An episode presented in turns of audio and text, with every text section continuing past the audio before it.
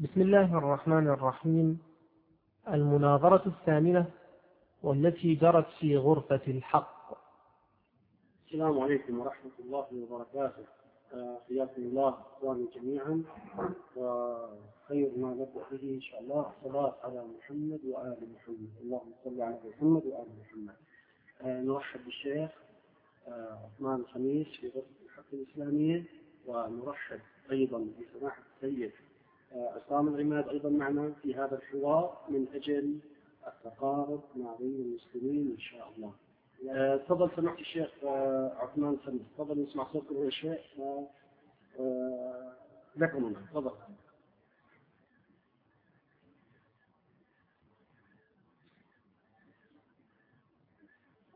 السلام عليكم ورحمة الله وبركاته.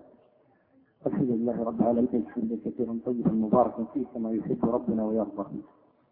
والصلاة والسلام على المبعوث رحمة للعالمين سيدنا وإمامنا وحبيبنا مولانا محمد بن عبد الله وعلى آله وصحبه أجمعين أما بعد فحي الله تبارك وتعالى جميع من حضر وأسأل الله جل وعلا أن يوفقنا وإياهم إلى اتباع الحق بعد معرفته وإلى التزامه بعد اتباعه وإلى الموت عليه بعد التزامه ونسأل الله جل وعلا أن يوفقنا إلى أن نبين هذا الحق الذي ندين الله جل وعلا به أو أن نقتنع بما عند غيرنا إن كان عندهم حق وجزاكم الله تبارك وتعالى خيرا. آه، جزاكم الله خير شيخ عثمان. آه، تفضل سيد عصام إن شاء الله. أيضا نسمع منكم. تفضل. قبل البدايه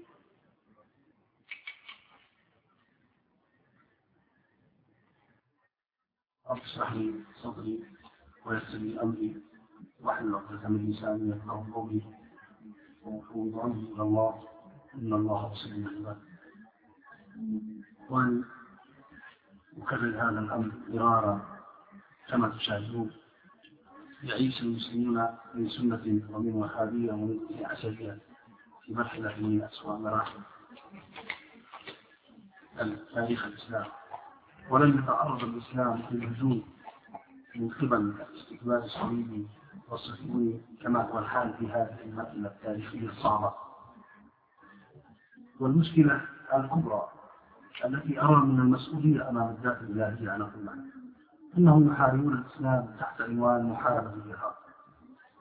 وإذا تم محاربة الحركة الإسلامية ما الذي سيبقى من المسلمين؟ إن كيان الأمة الإسلامية قائم بالحركات الإسلامية.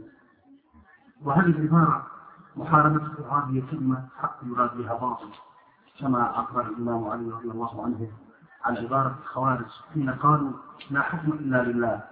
فقال رضي الله عنه كلمة حق يراد بها باطل من هنا منذ أن انتقلت من الوهابية إلى الاثني عشرية وأنا أطالب حتى أرجع وأخذ الكرة من الاستقبال الصليبي أطالب بفكرة تأتي جماعة تحت عنوان جماعة التقريب بين الاثني عشرية وبين الوهابية من أجل أن نتوجه جميعا إلى عدونا الرئيسي وهو الصليبية والصهيونية ولكن هذا التقريب لن يتم إلا إذا قمنا بتدليل وتوضيح. ما هي الوهابية وما هي العشرية حتى يفهم الجميع مذهب الآخر. وإذا فهم بعضنا البعض فسوف تزيد ما بيننا من كدورة وأنا أرى أن الشيخ عثمان بحواره الهادئ مع الاثني عشرية سوف يكون من قادة هذه الجماعة التي أرغبوا في تأسيسها جماعة تقريب بين الوهابية وبين الاثني عشرية. وأسأل الله أن يوفقنا لنكون دعاة لهذه الجماعة. وتفضلوا معكم معي. تفضلوا شيخ معكم بداية معكم إن شاء الله.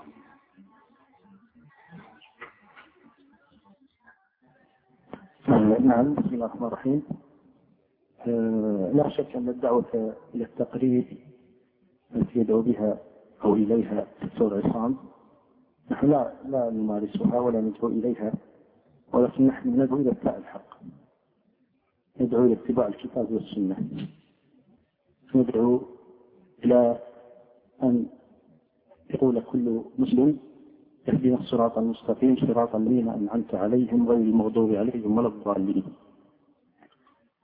وأنا أعتقد فإن كل المذاهب والأفكار والأديان التي على وجه الأرض لا شك أن بينها وجه مقاربة وجه مباعدة. فلو كنا ندعو إلى التغيير سندعو مع الجميع إلى التغيير ولكن نحن نقول وأن هذا صراطي مستقيما فاتبعوه ولا تتبعوا السبل فتفرق بكم عن سبيله. لكن ليس هذا موضوعنا الآن. المهم أنا قلت كل ما عندي عن آية آه، التطهير وعن حديث الكساء والدكتور عصام قال عنده حديث كثير عن ذلك آه، فيسمعنا إن شاء الله تعالى. تفضل الله. تفضل بسم الله الرحمن الرحيم. في البداية أطلب العذر من أخي الشيخ عثمان كيف أنه كرر مرارا بأن كل ما لديه حول آية التطهير وحديث الكساء قد ومن هنا أسر في الجلسة الماضية أن نأخذ البحث حول آية التطهير أو الكساء إلى آية أخرى أو حديث آخر. ولكن على الشيخ أن يحتمل عذري إذا أصريت على البقاء بآية التطهير وحديث الكساء لأنني تعتبر آية التطهير مع حديث الكساء بالنسبة لي. أنظر إليها بمنظار يختلف عن منظور الشيخ عثمان. الشيخ عثمان مع احترامي العز له ورث الفهم عن آية التطهير أو الفهم عن حديث الكساء من والده كما ورث صفات التسمية منه في حين أنني مثله في البداية. قد ورثت فهم آية التطهير وحديث الكساء من عائلتي ومن آبائي ومن البيئة التي عشت فيها عندما كنت وهابيا ثم مرت علي الأيام كنت إماما في أحد مساجد الوهابية في اليمن وخطيبا للجامع ومدرسا للعلوم الدينية الوهابية. لكنني بعد بحث طويل وتجرد من ضغوط الإصرار والبيئة.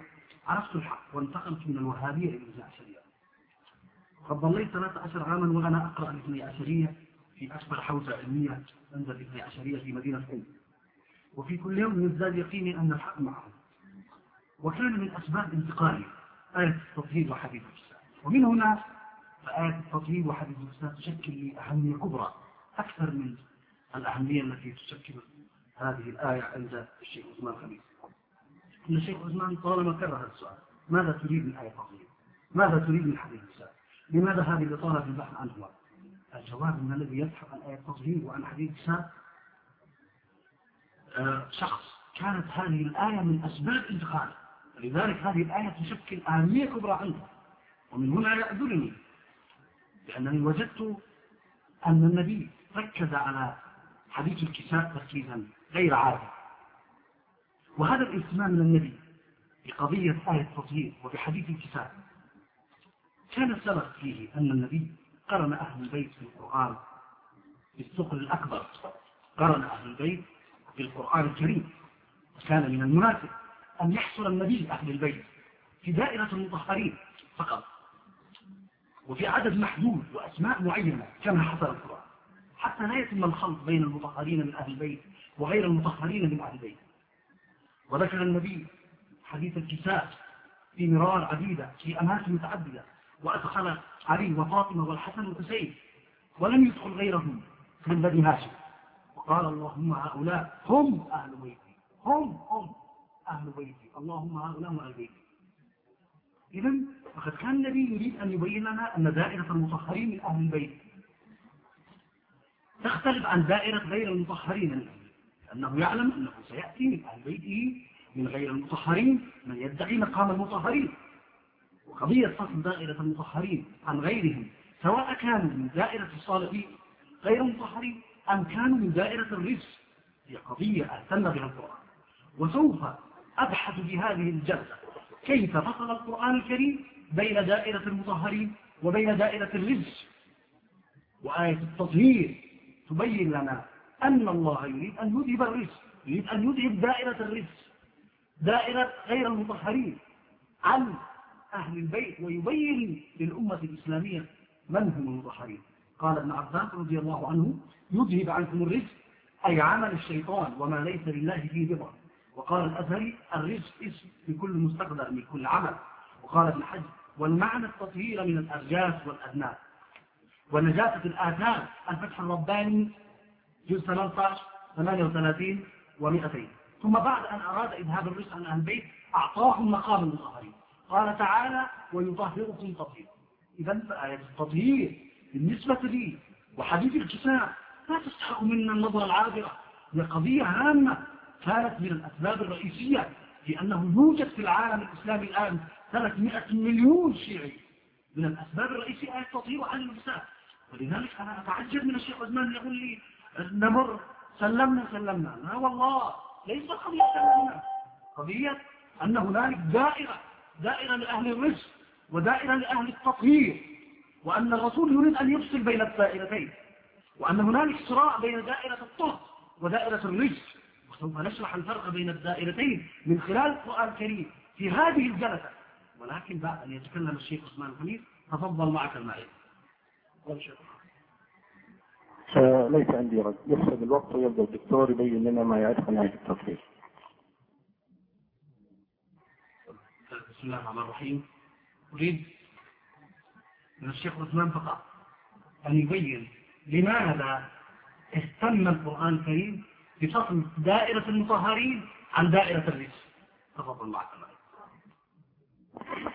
عفوا لو لو شرحت لنا هذا دورك انت اشرح لنا هذا ما تريد إحنا نعلق إن شاء الله.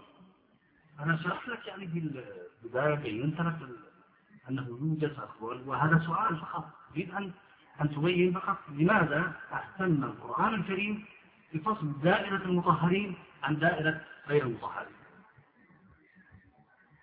لجنة في محاكمة محاكمة جنائية. أجد ما ما أريد أن أجيب. اشرح لنا أنت حتى نسمع. آه، عندما نبحث عن القرآن الكريم نجد أن القرآن قدم لنا نماذج إنسانية كثيرة. هذه النماذج إنسانية تدخل في دائرة الطهر ونماذج إنسانية كثيرة. تدخل في دائرة الرزق. ثم جاء النبي ورسم لنا وبين لنا المطهرين في زمانه وأدخلهم في الكتاب وهم علي وفاطمة والحسن والحسين وأدار عليهم الثوب والكساء حتى لا يخلط الناس بين المطهرين وغير المطهرين من لأنه سيقرنهم بالقرآن الكريم. إن من يخلط بين مريم وقد طهرها الله وانتخبها من بين نساء كل نساء آل إبراهيم لأنها من آل عمران والمعروف أن آل عمران هم من آل إبراهيم. ففصل مريم ونزهها من بين بقية آل عمران. ومن خلط بين مريم كمطهرة منتخبة من بين جميع نساء آل إبراهيم سوف يقع في خطر كبير. وهكذا من يخلط بين المطهرين وبين بقية آل محمد الذين حفرهم النبي. داخل الكتاب سوف يقع في خطر عظيم لأنه سوف يساوي بين من طهره الله ولم يطهره. ومن هنا نجد النبي يقرن في الحديث الصحيح بين مريم وفاطمة.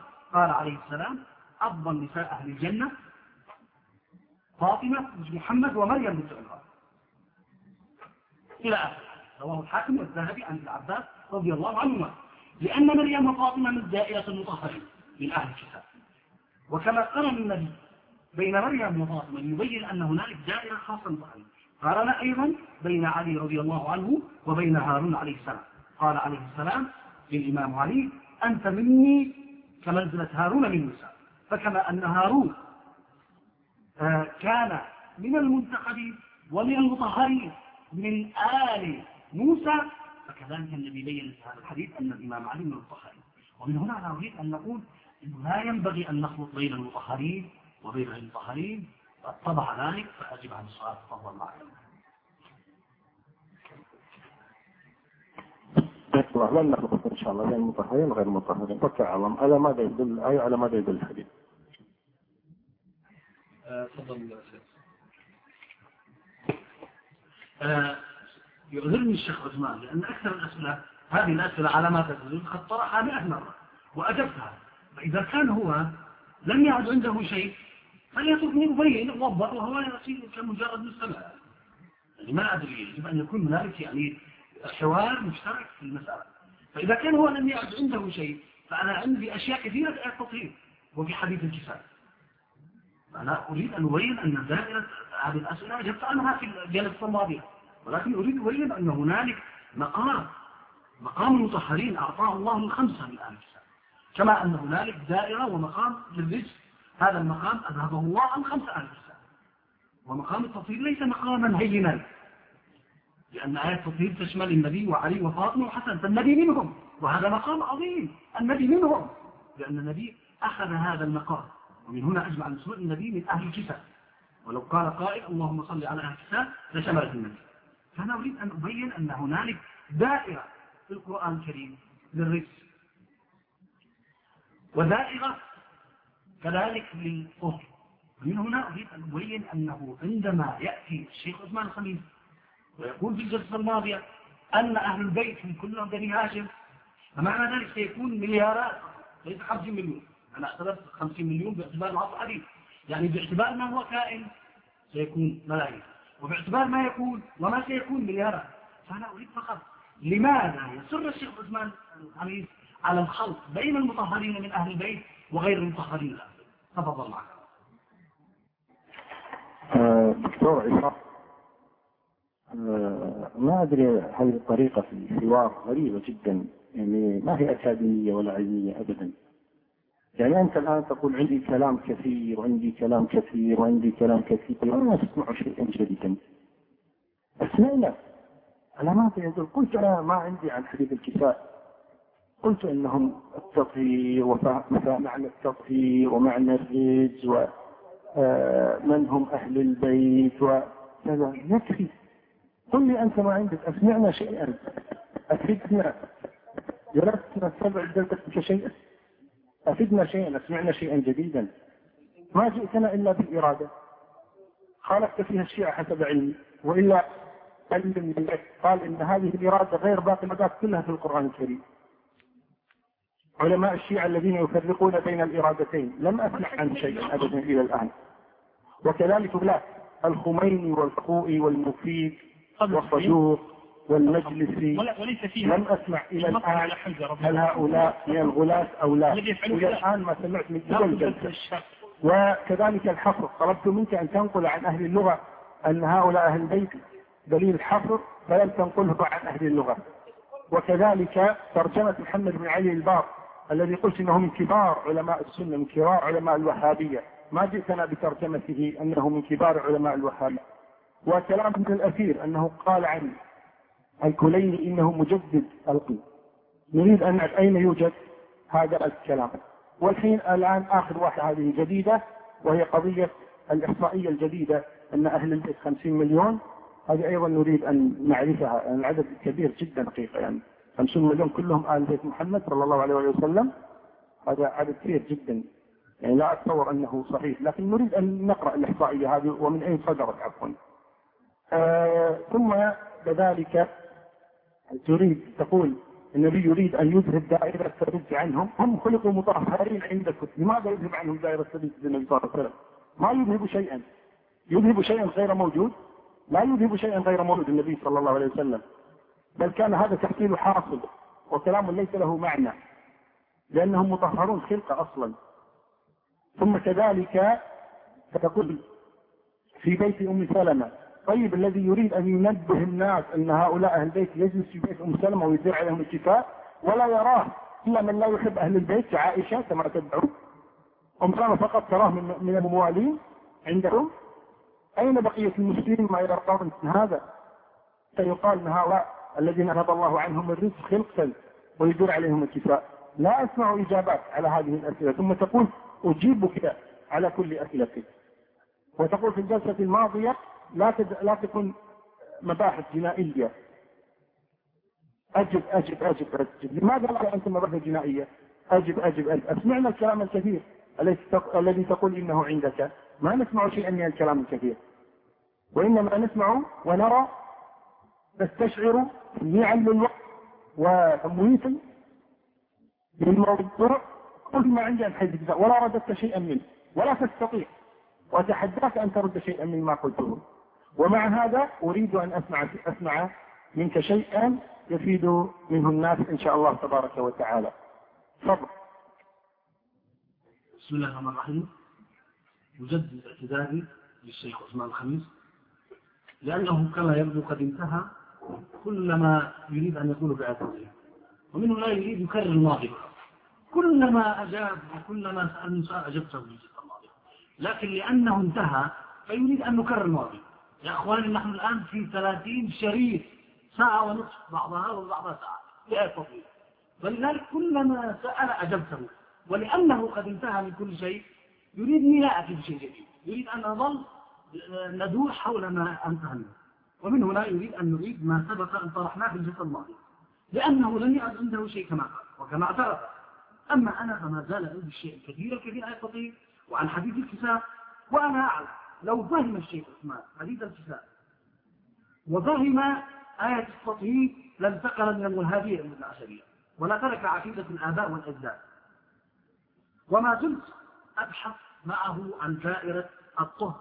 ومقام المطهرين في القرآن وعن دائرة الرجس ومقام الرجس في القرآن الكريم لأن آية التطهير ذكرت الرجس وذكرت الطهر ومن هنا لابد والمتدبر في القرآن الكريم يجد أن هنالك منزلة عالية هي منزلة المطهرين وهنالك منزلة سافلة هي منزلة أهل الرزق. قال تعالى في وصف أهل الرزق وأما الذين في قلوبهم مرض فزادتهم رزقا وماتوا وهم كافرون. في سورة التوبة كما في سورة التوبة وكما في غير ذلك من السور وهذا هو الموضوع الرئيسي في هذه الجلسة وأقول أن القرآن الكريم في عشرات من آياته يتحدث عن دائرة الرزق. وبين الله سبحانه أن دائرة الرزق هي الدائرة التي تصد عن سبيل الله وعن دائرة الطهر قد حذر تعالى من دائرة الرزق. قال سبحانه فأعرضوا عنهم إنهم رجس ومأواهم جهنم كما في سورة وقال سبحانه وتعالى كما في آيات عديدة موجودة في القرآن الكريم فالذات الإلهية المقدسة كما اهتمت بتبيين دائرة الرجس والتحذير منها نجد في المقابل اهتمت الذات الإلهية في تبيين دائرة المطهرين والحث على اتباع المطهرين كما حث القرآن عن الابتعاد عن الرجس. لأنه لا يمكن مواجهة دائرة الرجس. إلا من خلال السير وراء دائرة الطهر واتباع دائرة الطهر وكما أن القرآن رسم مساحة واسعة لدائرة الرزق فقد رسم بالمقابل مساحة واسعة لدائرة الطهر والصراع بين الطائرتين هو الصراع بين الحق والباطل لأن الوظيفة الرئيسية لدائرة الرزق هي قطع الطريق عن دائرة المطهرين ومن هنا نجد القرآن الكريم ينقل لنا كلمة زعيم دائرة الرزق حيث يخاطب الله سبحانه وتعالى فبما أغويتني لأقعدن لهم صراطك المستقيم كما في سورة العرب. قال الإمام ابن كثير رضوان الله عليه لأقعدن عبادك الذين تخلفهم من ذرية آدم. أقعدنهم على طريق الحق وسبيل النجاة ولأضلنهم ضلالا بعيدا حتى لا يوحدوك ولا يعلمون ودائما نجد في القرآن الكريم صراعا شديدا بين المطهرين دائرة المطهرين. إنما يريد الله ليذهب عنكم الرزق أهل البيت ويطهركم تطهيرا. بين دائرة المطهرين وبين دائرة أتباع الغش ونجد أن الله سبحانه وتعالى هو الذي حدد دائرة الطهر. قال جل سبحانه وتعالى وإذ قالت الملائكة يا مريم إن الله اصطفاك وطهرك واصطفاك على نساء العالمين كما في سورة آل عمران سورة آل إبراهيم سورة آل إبراهيم. فاصطفى الله من نساء آل عمران أي من نساء آل إبراهيم من بين آلاف النساء. أصطفى الله مريم وطهر مريم من بين جميع النساء. كما قال تعالى في آية اصطفاء أهل البيت. فكما اصطفى الله مريم من بين آلاف النساء فقد اصطفى هؤلاء الأربعة من بين أهل البيت. وقال إنما يريد الله ليذهب عنكم الرزق أهل البيت ويطهركم تطهيرا. فاختار الله فاطمة من جميع النساء بني هاشم. واختار علي من جميع بني هاشم. واختار الحسن من جميع بني هاشم. أليس لله خيرا؟ فلماذا نعترض لم نعترض على الله فيما صنعه في آل عمران ونعترض على الذات الإلهية فيما صنعته في آل محمد؟ فأدخل النبي الأكرم أهل الكتاب. أدخل الإمام علي مع زوجته ومع ابنيه. وكما لا يمكن أن نخلط بين من صعرهم الله مثل السيدة مريم. ومن آل إبراهيم وبين من لم يطهرهم كذلك لا يمكن الخلق بين من طهرهم الله من آل محمد وأدار عليهم النبي الإسلام وبين من هم؟ وطهرهم. ثم أتى النبي وأطلق عليهم الثقلين الثقل الثاني بعد القرآن وبعد السنة. المسألة أنا أريد أن الشيخ عثمان الخميس أن يكون لي لماذا يسر عن الخلق بين المطهرين وغير المطهرين من البيت وتفضل معك المعلوم آه، عفوا نحن لم نلم السرور حسب ما مر من آه، لقاءات. إن هؤلاء خاصهم أهل البيت. وقد ذكرت له الأحاديث الدالة على أن غيرهم من أهل البيت. وذكرتها من كتب الشيعة وذكرتها من كتب السنة وذكرت كذلك من كتاب الله تبارك وتعالى. له الآية في النبي صلى الله عليه وآله وسلم. فما لما هذا الإصرار على أن هؤلاء فقط أهل البيت. هذه قضية. القضية الثانية وهي قضية الترتيب الآن سألته سؤالا وأريد جوابا عنه وهي التطهير من ماذا؟ طهرهم من ماذا؟ ما هو الرسول الذي أذهبه عنهم؟ وهل كل من لم يطهر يكون رجسا كل جلسة يأتينا كلام جديد غير الكلام الذي قبل لأنك تفكرت أن تتكلم عن الخميني والخوئي والمفيد هل هم من الغلاة كما زعمت أو ليسوا من الغلاة وتقول أجبتك متى أجبت عن هذه؟ لم يجب. سئلت عنها يمكن قريبا شهران ولم تجب عنها. ما عندك إلا ما تتكلم ما تتكلم. أنا قلت كل شيء عن آية التفسير وأنت لم شيء عن آية التفسير فقط تريد تكرر تكرر تكرر تكرر تكرر. ما جئت إلا بالإرادة وقلت لك كلام غريب ولا أن أحدا من الشيعة قال بهذا الكلام. وأنت تفهمني إيش داخل. لأنني أنا ادعيت في الجزء الماضي أعرف عن الشيعة أكثر منك. تدري أني لا أعرف عن الشيعة. وأنت أنت الذي تعرف عن الشيعة أكثر مني وأكثر من غيري. فنقول يا دكتور عصام آية في النبي صلى الله عليه وسلم. هل يكتب؟ في علي والحسن حين وفاطمة. والترقي جاء باء النبي صلى الله عليه وآله وسلم. فيحبهم أن يتقربوا إلى الله بحبهم حب النبي لهم حب لهم. ولا أغلو فيهم أبدا. فلعنة الله على الغلاة. الذين تلعنهم أنت ليل نهار. ونحن نلعن الغلاة أيضا. فلذلك قلنا أننا نحب آل البيت وكما تقول في آية التطهير ولكن كما قلت الآن كل لم يدخل في التطهير يكون من الرزق حتى تقول هم دائرتان فلا التطهير تفضل. تفضل سيد عصام. آه، شيخ عثمان لا أريد أن أخرج عن موضوع التطهير ولذلك أنا أريد أن أليس حديث الكتاب وآية التطهير؟ وقراءة النبي آية التطهير أمام الأربعة أمام علي والحسن والحسين أكثر من 16 في أحاديث صحيحة. إنما يريد الله أن يذهب عنكم الرزق أهل البيت ويطهركم تطهيرا. وإدخاله في الكتاب وتكرير لهذه المسألة في أكثر من موقع. أليس هذا يدل على أن هنالك من أهل البيت البعض منهم من المطهرين؟ أي بدائرة الله والبعض منهم من غير المطهرين. أليس هذا يدل على ذلك أم لا؟ تفضل معك. يا دكتور آه، قلنا لك إنهم ما اظهروا مطهرين إلا في الدعاء النبي صلى الله عليه وسلم ونحن نعتقد أنهم مطهرون من الشرك كما أن النساء مطهرات من الشرك نساء النبي صلى الله عليه وسلم. هذا نعتقده. تفضل. اذا لكن ما هو الفرق هنا؟ يعني كل أهل البيت يعني الكثير من أهل البيت مطهرين من الشرك. اذا ما هي الميزه بين أن النبي يدخلهم داخل الكساء ثم يلف الكساء عليهم ويضع الثوب حولهم أكثر من مرة وأكثر من مرة ويكون هؤلاء أهل بيته إذا إذا كانت القضية هي فقط قضية الشرك فكذلك العباس مطهر من الشرك. فلماذا لم يدخل العباس في الكساء؟ تفضل معك الله. فإنه آه، في كل مرة يلف عليهم الكتاب أنا أعرف أحد عائشة حديث مسلمة ولعله في مكان واحد. من أين لك في كل مرة كل مرة كل مرة؟ عشرات مرات أو أكثر أو أقل؟ يلف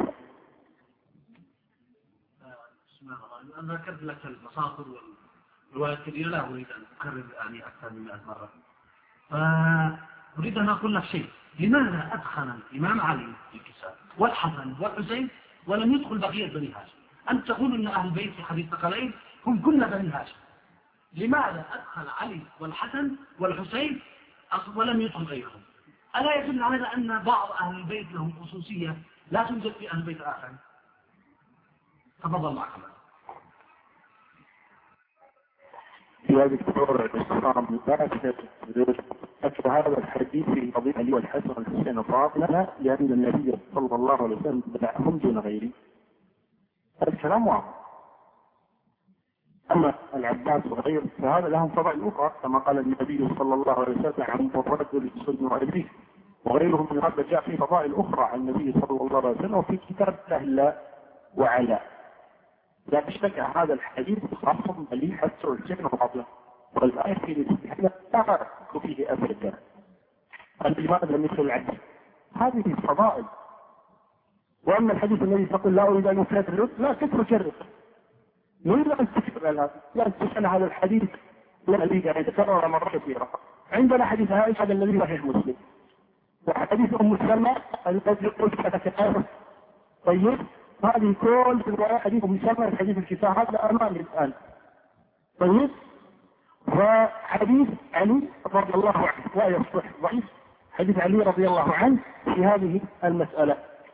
وأما علي رضي الله عنه فإنه يقطع عنه ولا شك هذه كل الرواية حديث مسلم حديث الكفاح. هذا أمامي الآن. طيب. وحديث علي رضي الله عنه لا يصح ضعيف حديث علي رضي الله عنه في هذه المسألة. وأما علي رضي الله عنه فإنه يقطع عنه ولا فيه الذي قلت. وإنما فيه حديث عائشة تماما ليس فيها نزلت فيه الآية. في استقرار في مرة واحد أدخله النبي صلى الله عليه وسلم في الكتاب ويعلم صلوات الله وسلامه عليه. استجيب الله جل وعلا دعاءه فيذهب عنهم جل وعلا على الذي عندنا رزق أما أن يذهب عنهم الرزق الذي شيء آخر فنريد أن نسمع ما هو هذا الشيء الآخر؟ ما هو الرزق الذي اذهبته قلت لا لا قلت أنت دائرتان دائرة الرزق ودائره الطهارة. فهل أنت في دائرة الرزق أو في دائرة الطهارة؟ وأنا في دائرة الرزق أو في دائرة الطهارة؟ وما عايزين يسمعوننا الآن في دائرة الرزق أو في دائرة الطهارة؟ نريد أن نسمع. تفضل. بسم الله الرحمن الرحيم. يبدو أن الشيخ عثمان الحنيس آه، أصلا يعرف وهو رجل درس أن الفضيلة تدل على شيء. هذه فضيلة نعم لكن الرسول في هذه الفضيلة يريد أن يحدد من هم المطهرين عن أكثر من مرة قلت لك النبي أدخلهم بالكساء وفي الثوب وأدار الكساء. أكثر من مرة قلت لك لديك أبناء معينين يلعبون في مع 20 ولد من الأصل ثم أدخلت الكساء عليهم. وأدخلتهم وسط الثوب وأدرت الحبل عليهم وربطت الحبل عليهم وقلت اللهم هؤلاء هم أهل بيتي اللهم هؤلاء هم أهل بيتي اللهم هؤلاء هم أهل بيتي. أنا أنا أقول لك إن القضية كان النبي يريد أن يأتي فضيلة نعم لكن فضيلة والنبي يريد أن يحدد دائرة أهل البيت كما كان القرآن كذلك. فجاء النبي سار بسيرة القرآن ورسم لنا وبين لنا من هم المطهرين في زمانه. وأدخلهم في الكتاب. وهم علي وفاطمة والحسن والحسين. وأدار عليهم الثوب حتى لا يخلط الناس بين المطهرين وغير المطهرين. وهذا يدل غريب أن تظن أنه كل غير مطهر فهو رزق. في دائرة الصالحين في الوسط ودائرة غير ليس كل غير مطهر يعتبر رزق. ولكن أنا جبت لك الدائرتين المتناقضتين وأنا ما أدري كيف غاب هذا الأمر. أما مسألة ما ذكرته الإرادة. فأنا أتحداك تأتي بعالم شيعي لم يميز بين الإرادة الإرادة بغير التطهير وبين الإرادة بغير التطهير تقول ما سبق أحد؟ تأتي بأشياء غريبة جدا. تقول أنه ما سبق أحد إلى أن ترك بين معنى الإرادة بغير التطهير ومعنى الإرادة. نقول معنى الإرادة بسبب القرائن التي حولها وبسبب أنها جاءت في كلمة آية تطير أعطت معنى آخر وبسبب وجود الحق. فأنت غريب تسأل أسئلة غريبة. وهذا يدل أنك لم تقرأ كتب الشيعة. أتحداك تأتي لي بعالم شيعي يميز أصلا قال أن الإرادة في آية تطهير وفي أي آية تطهير فتميزها لذلك أنا أقول لك دائما أنت لا تعرف عن الاثني عشرية إلا كما كنت أنا أعرف عنهم عندما كنت وهابي 15 عام. أنت لا تعرف عنهم ما احترامي تعرف عن الوهابية كما يعرف كما يعرف سلمان رشدي عن الإسلام. فقط معرفة فقط. يعني تعرف عن الاثني عشرية كما يعرف سلمان رشدي عن الإسلام. فقط تحاول أن تجمع التسميعات التي ضد الاثني عشرية والتي هي في الحقيقة ليست فيهم. تنسب إليه ما ليس فيهم. وقد رد عليك كبار علماء أهل السنة. لا داعي أن ندخل الآن في نقاش في هذا المسألة وأنا أريد أن أقول لك أنك تريد أن تخلط بين المطهرين وغير المطهرين. تريد أن تقع في مشكلة دائرة تخلط بين مريم وبين بقية النساء من آل إبراهيم بين السيدة فاطمة وبين بقية النساء من بني هاشم. هذه دائرة طهر وهذه دائرة غير مطهرة. والنبي عندما أدخلهم بالكتاب وأدار عليهم بالكتاب يريد أن يميز المطهرين من غير المطهرين. يريد أن يصنع يميز أن هنالك دائرة تختلف عن هذا. وسوف تقع في خطر كبير إن من يخلط بين الأربعة المطهرين وبين بقية آل محمد الذين حصرهم النبي وأدخلهم الكتاب سوف يقع في خطر أن من يخلط بين مريم كمطهرة كما ذكرت الآية وكغيرها من نساء من نساء آل عمران. ومن هنا نجد النبي يقرب بالحديث كما قلت لك الصحيح. بين مريم وفاطمة. ويقول أفضل نساء أهل الجنة فاطمة بنت محمد وأفضل نساء مريم بنت عمران كما رواه الحاكم والذهبي عن ابن عباس رضي الله عنهما. لأن مريم وفاطمة من دائرة مطهرين كما قال النبي بين علي رضي الله عنه وهارون عليه السلام. فقال عليه السلام أنت مني منزلة هذا النساء إلا أنه لا بالقلب الذي يريد أن يبين أن هنالك مطهرين كما اصطفى الله هارون من بين بقية آل موسى. الله كذلك علي من بقية بقية آل محمد. أنا أقول لك لماذا الله لم يدخل لماذا لم يدخل النبي علي في الكتاب؟ ومن بين بقية بني هاشم. يبين لك أنه حتى لا يأتي أحد ويحرف الدين ويلعب في الدين ويقول أنا من المطهرين من أهل البيت ثم يتلاعب في الدين. فأنا أريد لماذا تصر يا شيخ على الخلط بين المطهرين وغير المطهرين من أهل البيت بين دائرة الطهر وغير دائرة. ولماذا نخالف القرآن في هذه تفضل معك آه، عفوا دكتور لا تعرفني الشيعي لا صحيح. يعني آه، أنا موافق تماما فعلا الشيعة لا اعرفهم جيد. يعني خاصة فرقة الإسماعيلية فرقة الدروز فرقة النصيرية القانطة البابية وجرودية صحيح اني هذا أعرفه جيدا. لكن فرقتكم أنتم؟ التي تسمون عشرية أو الرافة أعرفكم جيدا. الفرقة الرافة متخصص فيها. أعرفها جيدا. وأعرف ماذا تقولون وماذا تكتبون. وبشكل جيد عن الله. فأنا من جهة متحول ولكن أنت تذكرني الآن بشكلنا للنصارى. ولكن أننا عندما نعيش النصارى يكون حوار التقديم غير ذلك.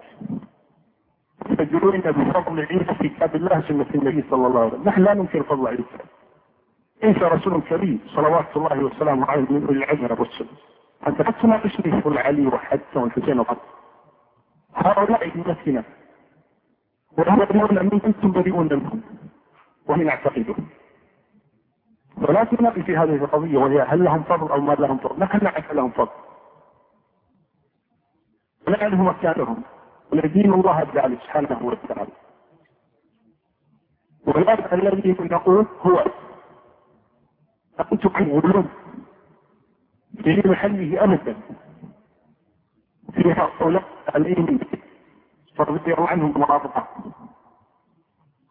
ولذلك أنت تقول أن لماذا رفع المرافقة لماذا الكتاب بس إنه ما رفع مرة أكثر مضطر لا تشبه في قضية الكتاب التوضيح ماشي. على قولكم على أن نعلم فإنه دعا له يسر وبعد أن دعا له النبي صلى الله عليه وسلم. وكما أننا نعتقد أن دعاء النبي صلى الله عليه وسلم عليه وجاء أولئك الله غفرهم رضي الله عليهم وطهرهم من الشرك هذا بالله ولكن أنا اسال طهرهم من ماذا؟ هل من الشرك فقط؟ أو تطهر من الكذبات والرقائق أو تطهر من الأهل أو تهجر الصاطبة من حيث نفاس. تطهر من ماذا؟ نحن الآن نثقون معا أن الله طهرهم بدعاء نبيه صلى الله عليه وسلم. عندنا مطهر الله تبارك وتعالى. ولهم تجمت لأمر النبي صلى الله عليه وسلم قرأ عليهم كتب الله وعلا ومع هذا لا نعتقد فيه من العصمة رضوان الله عليهم ولكن نريد أن نعرف ما هو الرد المذهب؟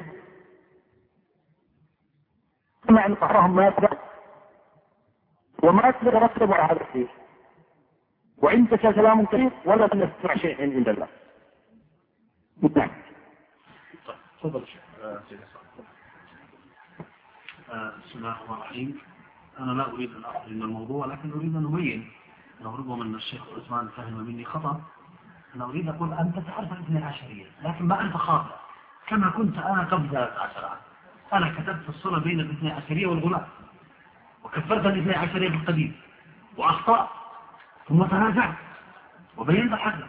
الإمام شلتوت الإمام الأكبر كان موقفه سلبي من الاثنى عشرية ثم أفتى أنه يتعبد بالمذاهب بالمذاهب المذهب الاثنى عشري كما يتعبد بالمذاهب الأربعة. والإمام الغزالي كذلك دافع عن الاثنى عشري في كتبه انظر كتابه ليس الإسلام والإمام محمد البهي كبار علماء أهل السنة دافع عن الاثنى عشرية كما في كتابه السنة والشيعة.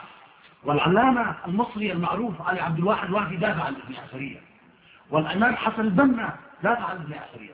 فأنا أقول أنت أخطأت أخطأت في المعرفة. جدد النظر لا أقول ترجع إلى كتب الاثنى عشرية.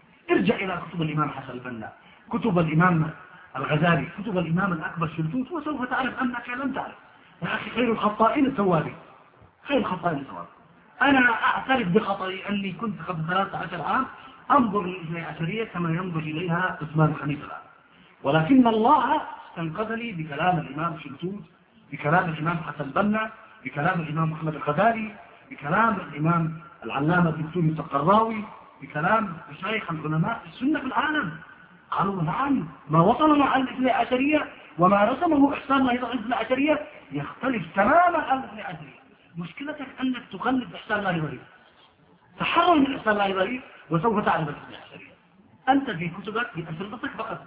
تقلد إحسان الله غريب وأريد أن أعود الموضوع أريد أن أقول أنه يوجد أن النبي في حديث الكتاب. يريد أن يبين كما أن الله بين في القرآن أن هنالك دائرة من أهل البيت المطهرين ودائرة من أهل البيت نعم منهم صالحين جزء من أهل البيت من الصالحين ولكن جزء من أهل البيت من دائرة الرجل ليسوا أصلا من الصالحين ولا من المطهرين وهنالك دائرة غير المطهرين هنالك دائرة أضرب الله عنه الرجل كما في القرآن الكريم كذلك دائرة الرجل وقرأت لك الآيات.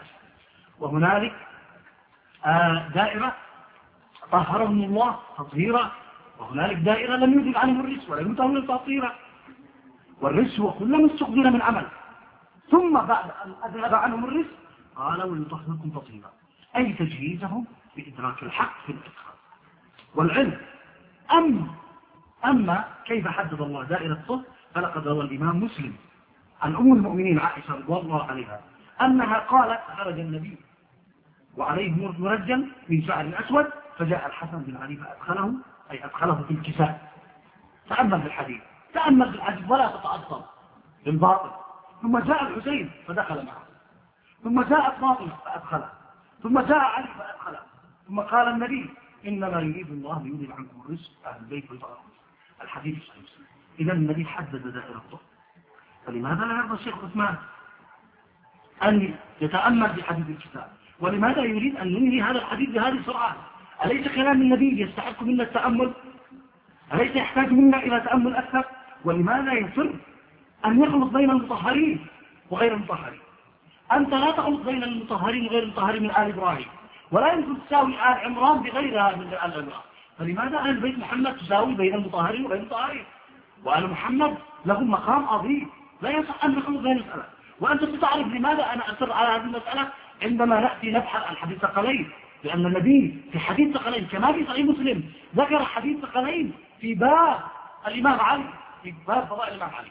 ستعرف أن النبي عندما قرن أهل البيت بحديث ثقلين إنما قرن المطهرين لا أن يأتي واحد ويحرف الدين ويدعي أنه من المطهرين معاذ الله أن نساوي بين المطهر من أهل البيت وغير المطهر البيت. وإلا فلا قيمة للحديث كفاية لماذا أصلا أنت لا تخلط في آل إبراهيم وآل عمران؟ لماذا نحن نقول اللهم صل على آل إبراهيم؟ ألسنا نصلي على المطهرين من آل إبراهيم؟ فقط المطهرين. ألسنا عندما نقول اللهم صل على محمد نقول الطيبين الطاهرين. يجب أن نخلط وهذه مشكلة الوهابية أنها خلطت بين المطهرين من أهل البيت وغير المطهرين. فأنا أريد أن أقول ما هو الفرق بين المطهر وغير المطهر؟ وإذا كان لا يوجد فرق فما هو دور حديث الكتاب؟ وما هي دور آية التصريف وتفضل معكم تفضلوا شيخ عثمان معكم. العبد الظاهر الشيخ عثمان حصل عنده انقطاع. الظاهر الشيخ عثمان حصل عنده انقطاع. وعلى الكابتن عنده اسم آخر أبو عائش بس ذكر الاثنين يبقى عنده مشكلة. يبدأ يجرب يدخل أكثر من اسمهم. واعتقد أنه هو الله أعلم. أنا عارف اثنين باسم متشابه ابو عائشة. أعتقد الشيخ والله أعلم.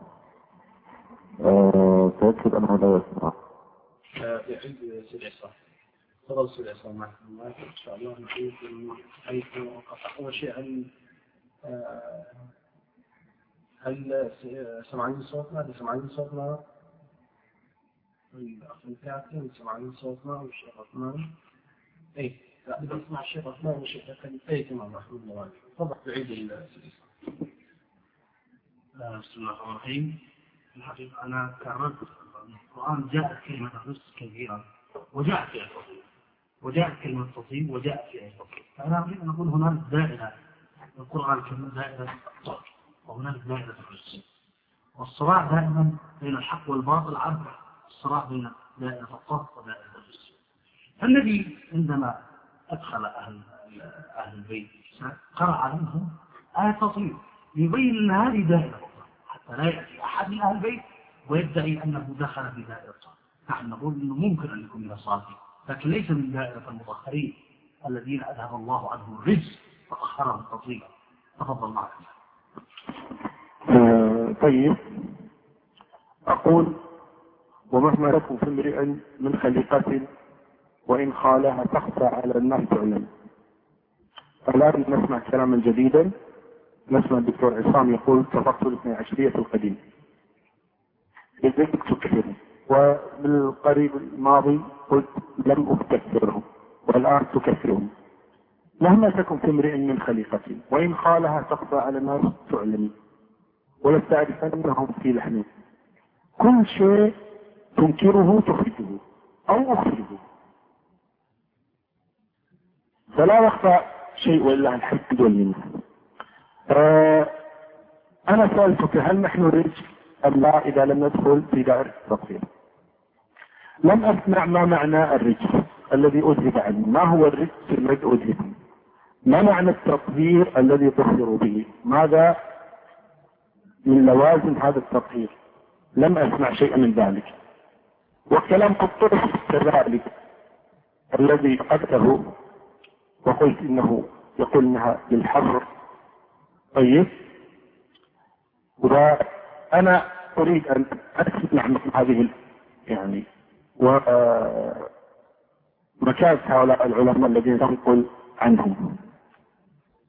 يعني كلمات غريبة جدا يعني. وحيد مريم وحيد ما عندها أخطر المهم يعني يا دكتور الآن ما معنى الرجس وما معنى التطهير؟ الآن سأرجع إلى المباحث الجنائية أجل. ما معنى الرجس الذي أذهب الله؟ ما هو التطهير؟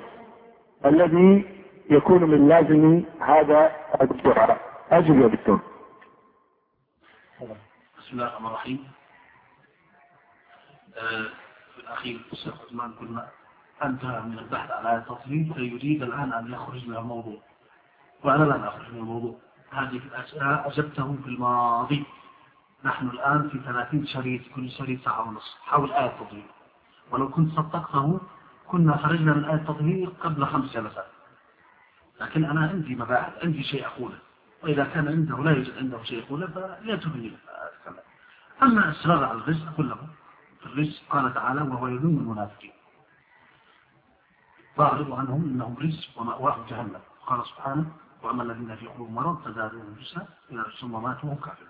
والرزق هو كل قدر. وقد يعبر عنه بالحرام والفعل القبيح واللعنة. والكفر ومعاني كثيرة فلا يصح أن نحصرها في الشرك. لو معاني كثيرة نقول أحد معاني الرزق الشرك لا يصح أن تأتي إلى كلمة لها معاني عديدة وتحصرها بمعنى واحد. يعني من أين لك يا شيخ عثمان أن الرزق فقط لا تطلق إلا على الشرك؟ يعني تحكم بالحقيقة باللغة ارجع إلى قوامس اللغة. ستجد أن الزجاج قال وهو من علماء اللغة الرزق في اللغة اسم لكل ما استخدم من عمل لكل شيء. فماذا هو يشمل الشرك ويشمل كل شيء. لماذا؟ وقلت أنه أذهب عنه. تفضل. معك نعم دكتور. أنت تريد الزجاج ما لك الزجاج أو الزجاج أنا أقول لك من آل عن آل البيت. أليس أفضل من الزجاج فلا تقبلهم اسمع هذا الباطل رضي الله عنه. يقول الرجس هو الشك. والله لا نشك في ربنا وفي رواية في ديننا وفي أخرى في الله الحق ودينه وهذا الصعب يقول بقوله جل وعلا إنما يريد الله ليذهبكم الرزق. قال الرجس هو الشك. لماذا تذهب إلى الزجاج؟ تفضل يا دكتور.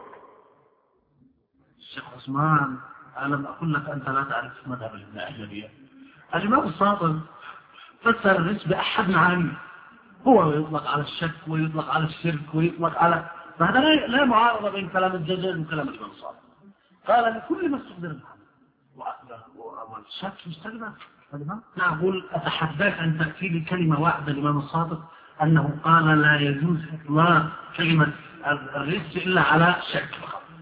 هذا أحد معاني. الإمام الباكر كما في رواية الإمام الباكر فأنا أريد أقول أنه معاني كثيرة. للشرك معاني للجس معاني كثيرة. أحد معاني الشرك. فما أدري ما لماذا فهمت معارضة بين كلام الإمام الزجاج وهو إمام اللغة وبين كلام البيت. أهل البيت لم يخرجوا عن قواعد اللغة. هل تفكر أن أهل البيت خرجوا عن قواعد اللغة؟ تفضل معك المال دكتور آه، مالك لله دائما لأهلها أنت الآن تذهب إلى المعنى اللغوي. معنى الشرعي عندنا ما لك المعنى اللغوي. أنت رفضت المعنى اللغوي في آل البيت الآن صرت تبحث عن المعنى اللغوي. الإمام الصادق يقول عن الآية كما يريد الله ليذهب عنكم الرجس. قال الشك افعل الدكتور فسر الآية. ما ينسى المعنى اللغوي والمعنى هذا؟ سورة الظهر لا تقتل شيئا عن الرافضة هذا هو الرزق يا شيخ. بارك الله لماذا تكتب بذلك طيب هذه المعاني الكثيرة أيها يريد؟ أيها يريد الله تبارك وتعالى صلى الله عليه وسلم مدعاه. اللهم أذهب عنه الرزق أي معنى من هذه المعاني؟ أو كل المعاني يريدها. ومن أين لك هذا؟ ومن سبقك إليه؟ أنا أنقل تفسيرا ولم يذكر هو قال هذا من معاني. وإنما قال الآية كذا وتفسيرها هذا. طيب ما هو الرزق؟ الدعي أنه أذهب كله وما هو تطهير البلاد هذا الدعاء. نريد أن نسمع دعاء ما سمعنا شيئا إلى الآن. لا نضيع الوقت. ولك في محكمة جنائية. بسم الله الرحمن الرحيم. حتى لو أدخلتني في محكمة جنائية أنا سأجيبك ليس مشكلة. لأن صاحب الحق لا يخاف. حتى لو أصبح متهم لهذا أنا في قبضة الاتهام ما مشكلة. ارتاح نفسي هذه ليس قضية وأنا محكوم وأنا مجني علي وأنا بار ليس مشكلة. سأجيبك لا تقلق طبعا الحمد لله أن صاحب الحق يكون مطمئن. والله أنني منذ أن انتقلت من الوهابية إلى الاثنى عشرية. جعل الله في قلبي الاطمئنان. فلذلك أنا لا أخلق. ذلك سأجيبك. أقول لك يجب أولا أنت لم تستطع أن تتعامل مع كتب أهل السنة. لدي إن شاء الله سأبين لك الأخطاء التي وقعت فيها بسبب عدم فهمك لمذهب أهل السنة. وبينت لك أنك خرج من الجازة فكيف ستفهم مذهب الاثني عشرية أهل البيت هل تظن أنهم أتوا بأشياء خلاف اللغة العربية؟ هل تظن أنهم خرجوا عن قواعد اللغة العربية؟ ليس في كل لازم أن نعلم وهما يفسران الآية أن تحريفهما. ثم كذلك يقول من أين لك أن بقية الأئمة تسلم ومن أين لك أنه اثنى عشر هذا الأمر لا تستطيع أن تجيب عليه. هذه دعوة أنا أدعيها ولذلك التزمتم بها لأنها تخرجكم مما أنتم عليه من الضلال. ولذلك خالفكم كل بل كل فرق الشعب ولم يقولوا بقولكم هذا. وأنا ما خرجت عن الموضوع ولكني التزمت بالموضوع لأنني قلت للدكتور عصام في المرة السابقة إما أن تتكلم بما يدل عليه حديث الكتاب وإما أن أتكلم بحديث الاثني عشر. حتى أبين لك أنكم لا تتبعون هؤلاء الائمه بل هم بريئون منكم براءة الذئب من يوسف عليه الصلاة والسلام. ولذلك أقول وأكرر إن لم أسمع شيء عن حديث الكتاب يدل على معنى التطهير ومعنى الرزق ومعنى الإرادة. ومن قال بأن الإرادة في آية التطهير تختلف عن الإرادة في كتاب الله تبارك وتعالى من علماء الشيعة الذي يقول الآن عباد كلهم يقول ذلك. اذكر لنا أقوالا من علماء الشيعة في كتبهم نرجع إليها وكتب الشيعة عندي هنا وسأرجع إليها الآن إذا نقلت من من علماء قال الإرادة في آية التطهير تختلف عن الإرادة في كتاب الله تبارك وتعالى كله. نريد أن نسمع شيئا من هذا الكلام. ولذلك أنا أذكر لك الآن معنى الرزق عندنا. الرزق يأتي معنى القدر ومعنى الزلل ومعنى الإثم ومعنى الفسق ومعنى الشيطان ومعنى الشرك. كل هذه معاني مشتركة للرزق. أنا أجد هذا ولكنك تلتزم مذهبا معين وهذا المذهب الذي تلتزمه تقول أنت إنه آه، يدل على شيء معين وهو إذهاب الرزق عن هؤلاء الخمسة دون غيرهم. أنا أقول لك الآن. ما هو الرزق؟ ماذا يستلزم من إذهابه ثم بعد ذلك أسمعك الآيات والنصوص التي تدل على أنه أذهب كذلك عن غيرهم الرزق. تفضل يا دكتور. بسم الله الرحمن الرحيم. أخي الشيخ عثمان سمير إن من حقي أن أعطى الحديث. لسببين السبب الأول أنك قلت في أول جلسة أنا موافق أن يختار السيد عصام أي آية أو رواية. والمؤمن لا يكره لا سيما أنك رددت هذه العبارات العربية تأتي بعمل ما عندك تأتي بأقوال بالله لماذا تقلت من السنة المساجد أهذا ما عندك من الأدلة ائتي بما لديك. والسبب الثاني أنني من الوهابية الاثنى وأنا أريد أن أبين الأسباب الرئيسية للإسرائيل وذكر السبب يحتاج مني إلى ترتيب الأدلة بطريقة علمية حتى يمكن المستمع. لماذا انتقل المئات من الوهابية من ومن هنا أنا بدأت حديث الكتاب لماذا؟ لأن مثل حديث الكتاب سوف يكون مدخل ضروري إلى حديث الخليل ومن هنا أنا أعتبر أنك عندما بدأت في البحث عن حديث العشاء هذا خلاف المنهج الذي أنا أريد أن أسير لك والذي أنت وعدتني أنك قلت لك من البداية أن عندي كتاب المنهج الصحيح في الحوار مع الواقع. وأنا أرى أن طرح حديث الاثنى عشر. قبل حديث ثغلين ليس من الأسلوب العلمي.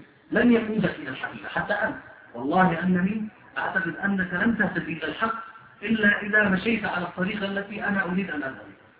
وأنت قلت بالبداية لو هديتني إلى الحق أو عفوا لو بينت لي أن الحق مع الاثنى عشرية فسوف أترك مذهبي وأدخل مذهب وأنا أقول لك كذلك لو بينت لي أن الحق مع الوهابية سوف أترك الاستعشارية وأرجع إلى مذهب القديم ولكن معاذ الله أن أرجع إلى مذهب القديم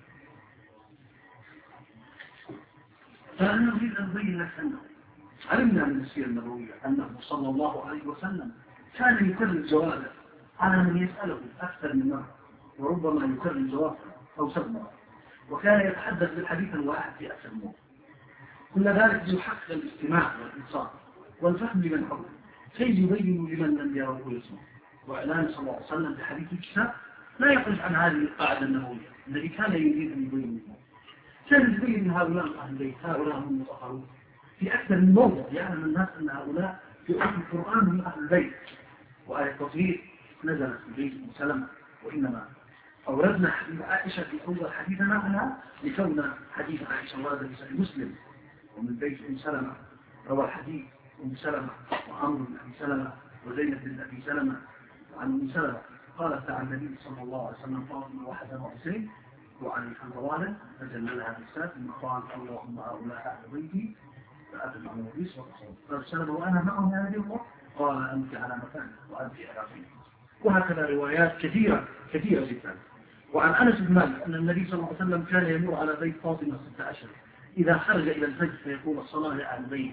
إنما يريد الله ينزل عنكم رزق أهل البيت وبارككم لماذا كان النبي يمر على هذا البيت الأشهر إن النبي كان يريد أن يقصد دائرة المطهرين لماذا هذه الفترة الطويلة لماذا هذا التكرار؟ كان يريد أن لا يأتي أمثال عثمان الخميس ويخلط بين ملايين من البشر. ويقول ولا يميز بينهم وبين المطهرين من أهل البيت. إن هؤلاء مطهرين هؤلاء هم قرناء القرآن. قال في الفتح الرباني الإمام البناء والد الإمام حسن البناء قال جماعة من التابعين منهم مجاهد وكتابة أن هم علي وفاطمة والحسن والحسين. إذا جماعة من التابعين جماعة من السلف الصالح قالوا بذلك. فالمسألة لديها دليل يا شيخ عثمان ليست القضية فقط عند الاثنين عشرية المسألة لديها دليل من سلف الصالح. ومن سلفنا؟ وأنا أقول قدماء السنة كانوا أمناء وضل عليهم. لا يتعاملون مع آه، مع الآخرين بنفس الطريقة التي تتعامل الوهابية مع العشرية لقد تمسك كثير من قدماء أهل السنة بحديث الكتاب وحديث أنس أن الذي كان يمر بباب فاطمة ستة أشهر. وعلموا وصرحوا بكتبهم كما ذكرت أن أهل البيت هم هؤلاء الخمسة. بل سأذكر لك في حديث ثقلين أن بعض أهل السنة قال أن حديث ثقلين يدل على التمسك بالقرآن والسنة وثم حصل النبي أهل البيت بهؤلاء الخمسة. فإذا كان الحديث ارتكب أكثر مرة وفي أكثر في زمن الرسول صلى الله عليه وسلم كي يتذكر من أراد أن يتذكر. وإذا كان قد في عالم الخوف حديث الكساء. وإن هم بجمهورية فإنه روي أيضا في أشد الأوقات حديث كانت بما تنزل في كل مكان. فلقد روي أن الحسن علي رضي الله عنه عندما طالبوا القوم بإمرار الصلب معاوية خطب في الناس وقال أيها الناس إنما نحن أمراءكم ورمالكم ونحن أهل بيت نبيكم الذين أذهب الله عنهم الرزق وطهرهم تطهيرا. وكرر ذلك حتى ما بقي في المجلس إلا من بكى حتى سمع نشيد. فأنا أريد أن أقول أن الإمام الحسن يبين أن دائرة الطهر مخصوصة بأشخاص معينين وليست أصلا لمن كل من هب ودب وهكذا جاءت الروايات الكثيرة التي حدد فيها النبي دائرة الطهر لأشخاص معينين. وعلى امتداد الدعوة في زمن النبي صلى الله عليه وسلم كانت تجري أحداث يترتب عليها خمس مفهوم من هم أهل البيت في ذاكرة الذين عاصروا النبي وهم الصحابة الكرام رضوان الله عليهم على أسباب أنهم الجيل الذين سيفتح الأبواب من بعده ووفقا لحركة هذا الجيل ستسير الحركة على امتداد المسيرة ومن هذه الأحداث التي غرست مفهوم من هم أهل البيت أحداث يوم الوقت وملخص القصة طويل مذكورة في القرآن يروي أصحاب التفسير بالمأثور أن رؤساء النصارى قالوا بعضهم بعد أن اتفقوا على موعد المعنى باهنا بقوله باهنا ولكن النبي لم يقل بقوله وروى الإمام مسلم رضي الله عليه في صحيح عن سعد بن وقاص رضي الله عنه قال لما نزلت هذه الآية فقلت تعالوا ندعو أنا وأبناكم دعا الرسول صلى الله عليه وسلم عليا وفاطمة وحسن وحسين فقال اللهم هؤلاء أهلي إذا كرر النبي في أكثر من موضع ليس فقط بآية تصريف لماذا دعا هؤلاء الأربعة؟ ولماذا قال بعد أن أن باهلها قال اللهم هؤلاء أهلي انظر صحيح مسلم فوائد الصحابة لا فضل عليه فلما أخذ النبي صلى الله عليه وسلم قال صلى من هؤلاء قيل لهم هذا ابن عمه وهذه ابنة فاطمة وهذا ابن الحكم الحسين ففرقوا فقالوا رسول الله نؤتيك الرضا فأعطنا من نباهنا فصالحوا رسول الله على الجزية وانصار وذكر الإمام السني صاحب تحفة الأحوذي دعا عليا فنزله منزل نفسه وفاطمة لأنها أخص النساء. وحسن الحسين منزلتها بمنزلة أبيه وهكذا النبي. هذا النبي كان يشر على الحب فلماذا يا شيخ الإمام تصر على عدم التمييز بين المطهرين وغير المطهرين؟ أنا أريد أن أقول ما هي وظيفة حديث الإسلام؟ ما هي وظيفة؟ وما هي دلالة حديث الإسلام؟ أجد على هذا السؤال. تفضل الشيخ عثمان معكم. الله الرحمن الرحيم. المؤمن لا ينقض العهد. أو إذا أقرأ أكثر الآيات التي أرسل بها النبي صلى الله عليه وسلم علي بن أبي طالب رضي الله عنه. أعوذ بالله من الشيطان الرجيم. براءة من الله ورسوله إلى الذين عاهدتم من المشركين. سيحوا في الأرض أربعة أشهر. واعلموا أنكم غير معجز الله. وأن الله مخزي الكافرين. وأذق قالوا من الله ورسوله إلى النبي يوم الفتح الأكبر. أن الله بريء من المشركين ورسوله فهو خير لكم. وإن توليتم فاعلموا أنكم غير معجز الله. وبشر الذين مروا بعذاب أليم. هذه الآية من الله جل وعلا أنزلها على رسوله صلى الله عليه وسلم. وأمره أن يخبر بها المشركين. فهل نقض النبي صلى الله عليه وسلم العهد؟ لم ينقض العهد. صلوات الله وسلامه عليه. كنت تسألني على ماذا يدل على ماذا يدل أنا الذي أريد أن أعرف منك عن ماذا يدل. أنت تقول عندي كلام كثير ويدل على أشياء كثيرة. عشتنا بقولك كنت وهابيا وصرت استثنى عشر كنت وكنت وكنت وكنت. والله ما جئنا لنسمع قصة حياة حياة فهو مزعجة لنا.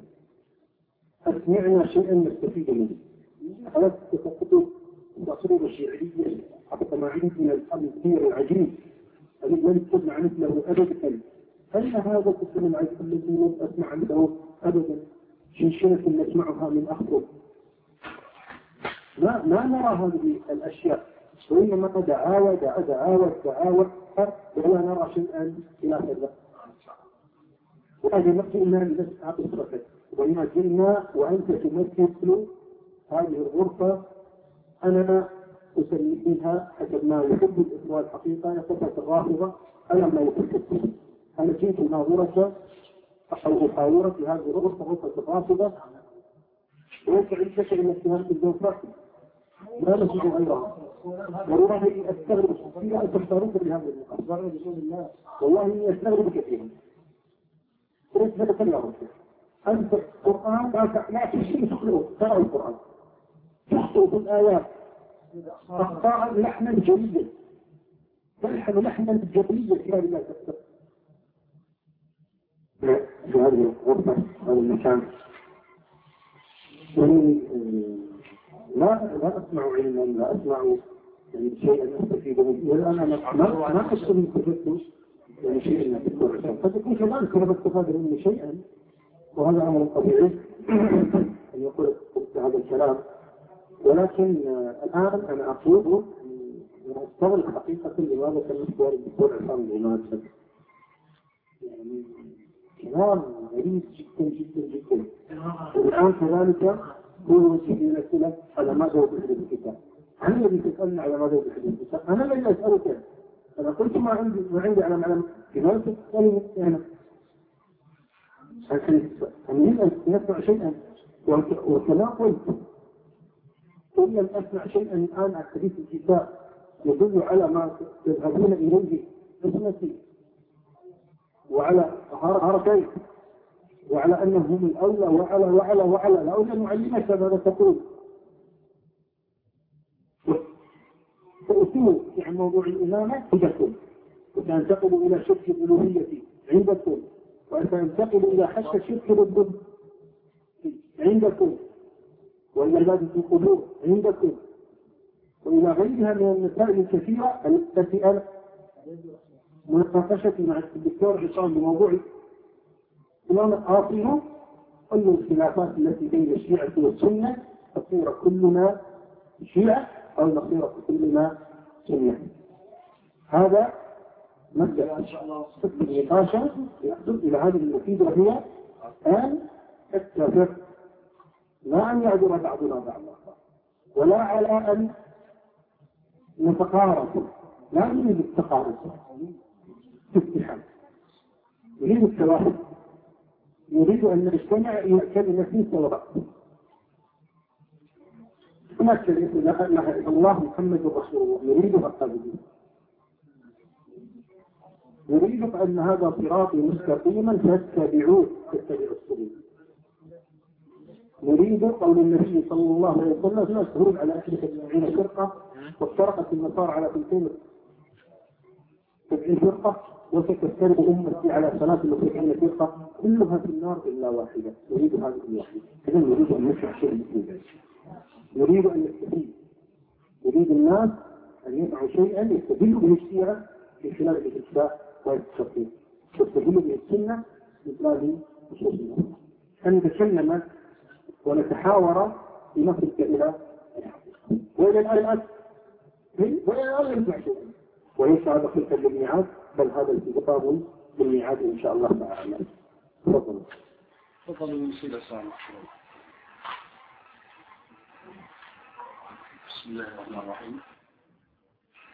وجزاك الله خير ولأنني في الحقيقة عندما أتكلم كلام أؤمن به. فأنا أقول أنني منذ 13 سنة منذ أن من الوهابية للناسية وأنا أدعو إلى جماعة تأسيس جماعة تقريب بين الوهابية وبين الناسية وإحترام لهذه الجماعة لأننا نعتبر أن هذه الجماعة مدرسة. وسوف تضيع المؤامرة الصليبية التي تريد أن تفرق بين المسلمين الوهابيين وبين المسلمين بالعدل.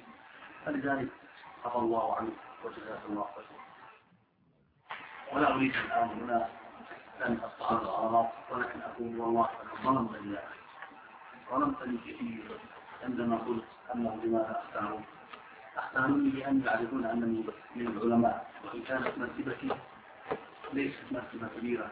لست من العلماء ولكن فلا أبلغ إلى درجة العلامة الشيخ القرآن ولا إلى درجة العلامة سيد المدرسي ولا درجة العلامة هادي الأعراضي لكن أنا من العلماء الذين في مرتبة أقل من درجة هؤلاء. وكذا أحساني وأنا ليس عندي شيء وأقول أحسن الله لي وجزاك الله خير وأحتسبها لله حفاظا على جماعة التقليد بين الوهابية وبين الاثني عشرية التي هي جماعة أتبناها وأدعو إليها ونبي بخصوص هذه الجماعة. فلذلك كما أقول من أجل أن نفوت الفرصة على أعداء الإسلام ولعل بعض أعداء الإسلام يسمعون من الذين يريدون أن يجملوا الإسلام تحت عنوان محاربة الوهاب. أنا صاحب قضية يا شيخ عثمان خميس أنا أريد فقط أن تعرف الحق وأن تهتدي إلى الحق لدي كنز في يدي وأنت لا تحاربهم لأنك تعرفهم أنت تحارب لأنك لا تعرفهم وأسأل الله أن يكون استبصارك إما على يدي أو على يد غيري وأرى فيك خير كثير وأن لم تهتدي بهذه المناظرات فسوف يجعل الله لك الهداية في المستقبل وأقول أعود إلى موضوعنا إنني وجدت أن كثير من العلماء في مقدمة صاحب تحت الحوثي من علماء السنة بين وقال بهذا النص دعا عليا عندما نزلت آية المهد نزله منزلة نفسه. وفاطمة لأنها أصل النساء وحسن وحسين فمنزلتهما منزلة ابنيه صلى الله عليه وسلم. وهكذا نجد فيه موارد حديثة في هذا الشيء ونجد أن النبي كان يحدث من هم أهل النبوة كما في حديث الظاهر روي من أحد خمسين طريقا كما تبينها وأثبتها أرباب الجوامع في جوامعهم. وأثبتها المفسرون في تفاسيرهم من غير اعتراض أو ارتياح كالطبري والإمام ابن كثير رحمه الله عليه والإمام السيوطي رضوان الله عليهم جميعا. ولو قص أبو نعيم بن رضي الله عنه والبيهقي رضوان الله عليهم جميعا كذلك وابن إسحاق وابن إسحاق وغيرهم من السلف الصالح وغيرهم. وعلى هذا نقول بأن مفهوم من أهل البيت مفهوم شخصا في ذاكرة العليم. على زمن النبي صلى الله عليه وسلم وعلى الجميع. أن كلهم قالوا أن أبناءنا تعني الحسن والحسين وأنفسنا تعني كما تحدث جابر. رسول الله صلى الله عليه وسلم وعلي بن أبي طالب ونساءنا تعني فاطمة. ثم أدخلهم النبي مرة أخرى في الكساء وقال اللهم إن هؤلاء أهل بيتي بمواضع عديدة وبدأ الطين بعد أن حدد النبي من هم أهل البيت وبين لهم وأدخلهم الكساء وأذان الكساء وبين لهم شيء ربط النبي بينهم وبين القرآن الكريم برباط وفيه. وهذا الرباط درسا في ذاكرة العليم في زمن النبي إن الصحابة رضي الله عليهم كما في رواية مسلم عن زيد الأرقم رضي الله عنه. أن النبي قال أيها الناس فإنما أنا بشر يوسف أن يؤتي رسول في فرجين سوف أغادر الحياة عما قليل. إني فيكم فليس أولا وأسأل الله. ثم قال وأهل بيتي لا أريد أن أدخل له قال النووي سمي فخليت أمهما وفوس أمهما وقيل بفضل العمل بينهما. ولأن ما عدا القرآن وأهل البيت خبيث. ما عداهما خبيث. الذي كان يريد محبة أهل البيت. بالجماعة ويتلاعبون بالدين. يصير عثمان الدين. هل هذا الكلام ليس علميا؟ أتريدني أن آتي فقط بالكلام الذي تريده حتى حينئذ سوف أصبح عندك من العلماء. أما إذا أتيت بالكلام الذي لا أرغب فيه أكون من الجهلاء. هل هذه من الإنصاف؟ فوالله أنني لا أفهم خبيزا لا أفهم خبيزا معاذ الله أن آتي وأقول أن عثمان الخميس جاهل وهو رجل من رجال الدين. ولكن أقول أن من يهمني أهم شيء قضية الكبرى هي مذهبي قضية الكبرى هي عقيدتي ولا يهمني شخصيتي ولا يهمني أن يقول الناس عني ما قالوا. فبعد أن انتقلت من الوهابية للعسلية اتهمني بعض المتعصبين اتهامات كثيرة. وآخر من يتهمني منهم هو الشيخ عثمان الخميس وأسأل الله أن يهديه إلى الحق. وتفضل معك المال. تفضل الشيخ عثمان تفضل. يقول الدكتور صنع يدعو إلى جماعة تقريب بين الوهابية من عشرة نقول لا تدعو إلى هذه الجماعة. ادعو إلى اتباع الدم ادعو إلى اتباع الحق. فتقول الوهابية لما يفهمون ولا يعقلون وهم بدويون. هذا إلى غير الوهابية أولا. لتقرر بينهم ثم بعد ذلك يبدأ الوهابية تدخل الوهابية آخر الناس. ماذا الإنسان حتى الله أنا أنت لماذا هذا الكلام؟ ما قلت أنا مثل لك تمثل هكذا لماذا؟ لماذا لا تدافع الحق؟ لماذا لا تجيب عن الأسئلة التي أطرحها؟ وكما يقول يعني المثل المصري يقول أسمع كلامك أصدقك أشوف أمامك أتعجب أنت تتكلم بلين وضعف فأشفق عليك ولكن لما أرى أعمالك أغير نظرتي تماما أشياء أخرى في أرى الدكتور عصام يفهم في الإجابات. أرى الدكتور عصام ينفس ويدور أرى الدكتور عصام لا يكون حتى ستحدث شغلاء جديد يقول أنا مسيحي أنا أريد الحق أنا كذا أنا تحولت من الوهابية تحكم أنت ما تحكم بالله أنت المشكلة عارف إنه بحر عارف إنه بحر أنا اللي بحر يعمل كلمة الكتاب هو الرزق وماذا يترتب على التطبيق بسم الله الرحمن الرحيم. الشيخ عثمان الخميس يريد أن يجعل المسألة شخصية. أنا ليس بيني وبين الشيخ عثمان الخميس أي عداوة شخصية. فهو كما قال في أول مناظرة أنا لا أعرف الدكتور عصام العماد وكذلك أنا أقول أنا لا أعرف الشيخ عثمان الخميس. فليس بيني وبينك أي عداوة شخصية.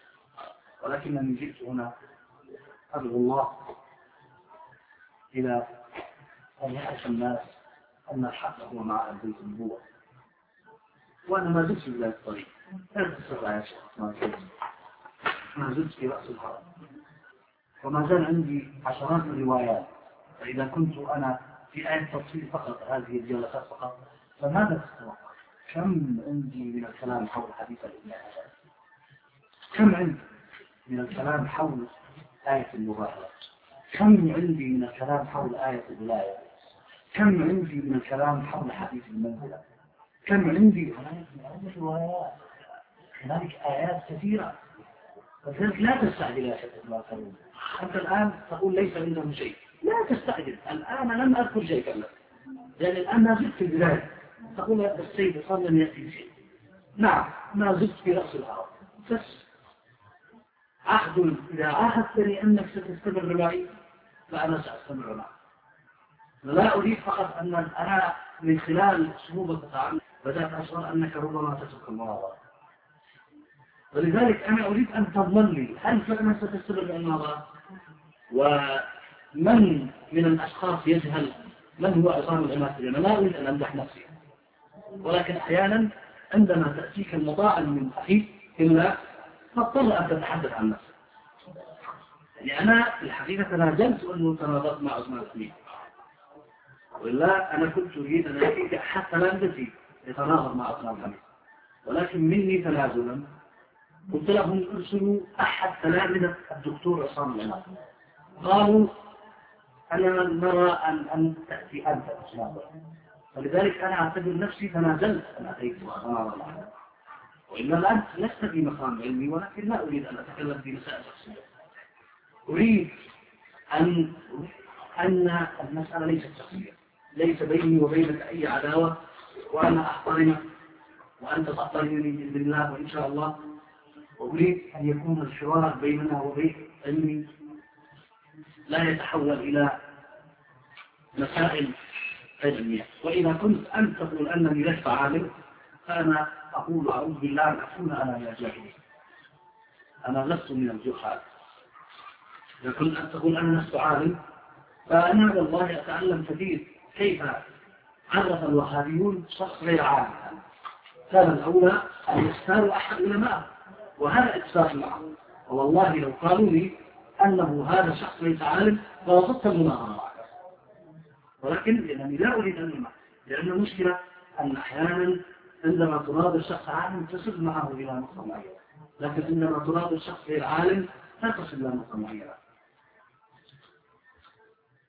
ولذلك أنا أستغرب كيف تنتقد مذهبا عظيما وأنت تقول لست عالم. إذا كنت أنت كما تقول لست عالم من علماء الوهابية ولست عالم من علماء أهل السنة فكيف تدعي أنك عالم في الاثنين عشرية كيف تقول أنك تعرف إذا كنت لا تعرف مذهبك فكيف تدعي أنك تعرف مذهب الآخرين؟ فلذلك أنا أطالب الإخوان وأسألهم هذا السؤال. أبو أحمد أو محمد علي هل رجمان الخميس من علمائكم هل رجمان الخميس من علمائكم أوجه السؤال لمحمد علي عفوا محمد علي هل هو من علمائكم أم لا هل عثمان الخميس من علمائكم أم لا أجب يا المسؤول من الوهابيين السلام عليكم ورحمة الله وبركاته. أما بالنسبة للسؤال الشيخ عثمان الحديث عالم عندنا ويمثلنا وهذا ويشرفنا. تفضل. بسم الله الرحمن الرحيم. أريد أن أبين للشيخ عثمان الخميس أنه لا يمكن. هو مصر الشيخ عثمان الخميس كما فهمت أن نتكلم عن الرسول.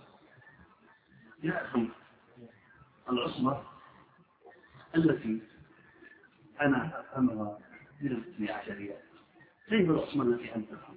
أن تفهم العصمة عن الاثنى عشرية كما كنت أنا أفهمها قبل ثلاث العصمة الملازمة للنبوة العصمة التي تحلل حرام محمد. العصمة التي تحلل حرام محمد وتحرم حلال محمد. العصمة التي تأتي بدين جديد.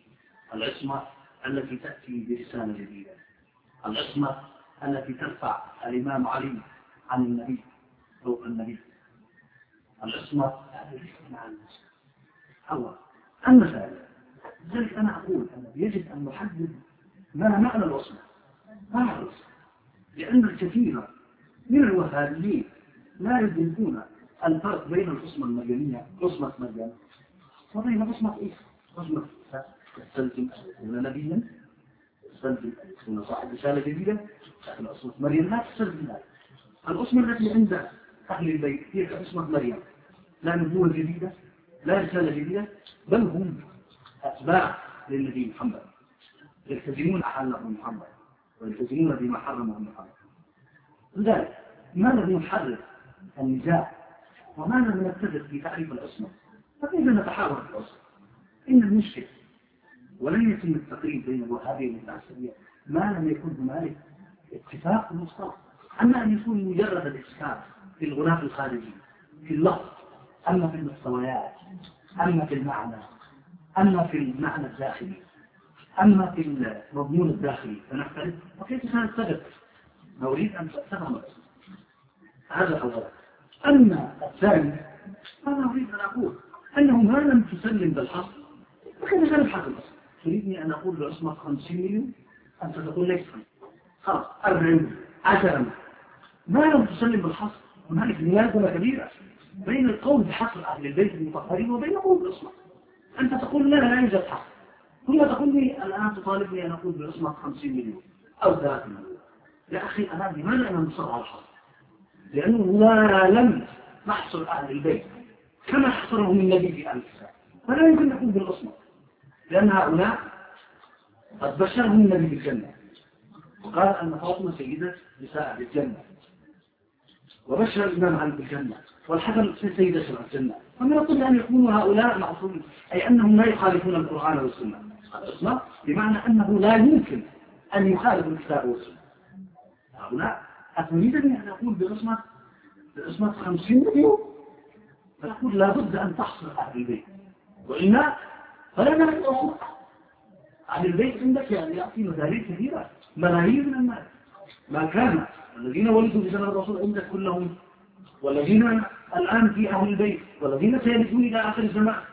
هؤلاء أهل البيت يريدني أقول بعصمة ما كان منهم وما يكون منهم وما سيكون منهم وما سيلد منهم والذين سيلدون ومنهم الفاجر ومنهم الصالح ومنهم التقي ومنهم البر. نحن نقول هؤلاء الذين كرمهم النبي في القرآن. هؤلاء الذين أدخلهم الكتاب. هؤلاء الذين جعلهم الثقل الثاني بعد القرآن. هؤلاء لأنهم لا يمكن أن يخالفوا القرآن والسنة. لا العصمة التي تفهمها. أنهم يفترضوا جاءوا بشيء جديد في مقابل القرآن معاذ الله.